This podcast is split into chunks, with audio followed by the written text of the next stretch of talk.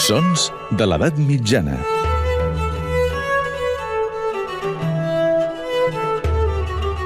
Amb Maria Montes. En què s'assemblen una acústica i una Fender Stratocaster? Sí, totes dues són guitarres i com a tals tenen molts punts en comú, però també moltes diferències. I és que de vegades la nomenclatura és capriciosa i pot portar a confusió. I encara més si parlem d'instruments que van viure el seu gran moment fa 600 anys.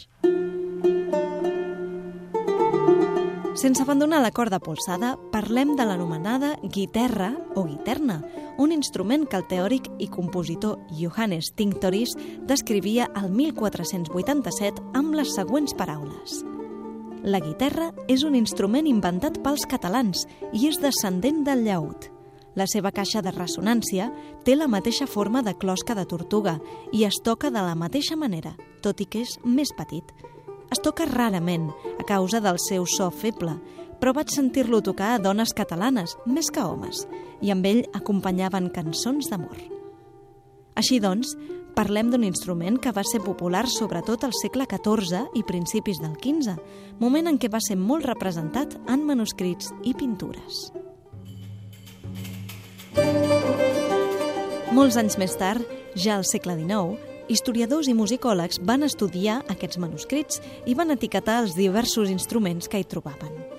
Així doncs, van classificar la guitarra com un instrument de quatre cordes que es pinçaven, de tapa plana, caixa en forma de fulla de grèvol i un gran mànec, tan gruixut que fins i tot tenia un forat per poder-hi passar el dit polze.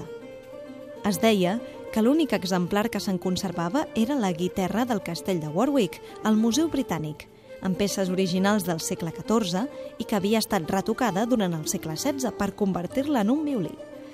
Aquesta consideració va ser donada per correcta durant uns anys, fins que el 1977 un estudiós anomenat Lawrence Wright va publicar un article que va trencar la teoria. La suposada guitarra del Museu Britànic no era una guitarra, sinó una cítula, un instrument que va ser popular anys abans. Els noms s'havien creuat.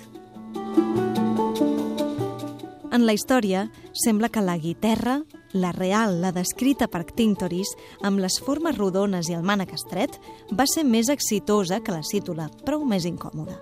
Aquesta es va extingir i amb ella el seu nom, mentre que de guitarres i guitarres en vam seguir trobant al llarg dels segles i han evolucionat fins al dia d'avui. Sons de l'edat mitjana.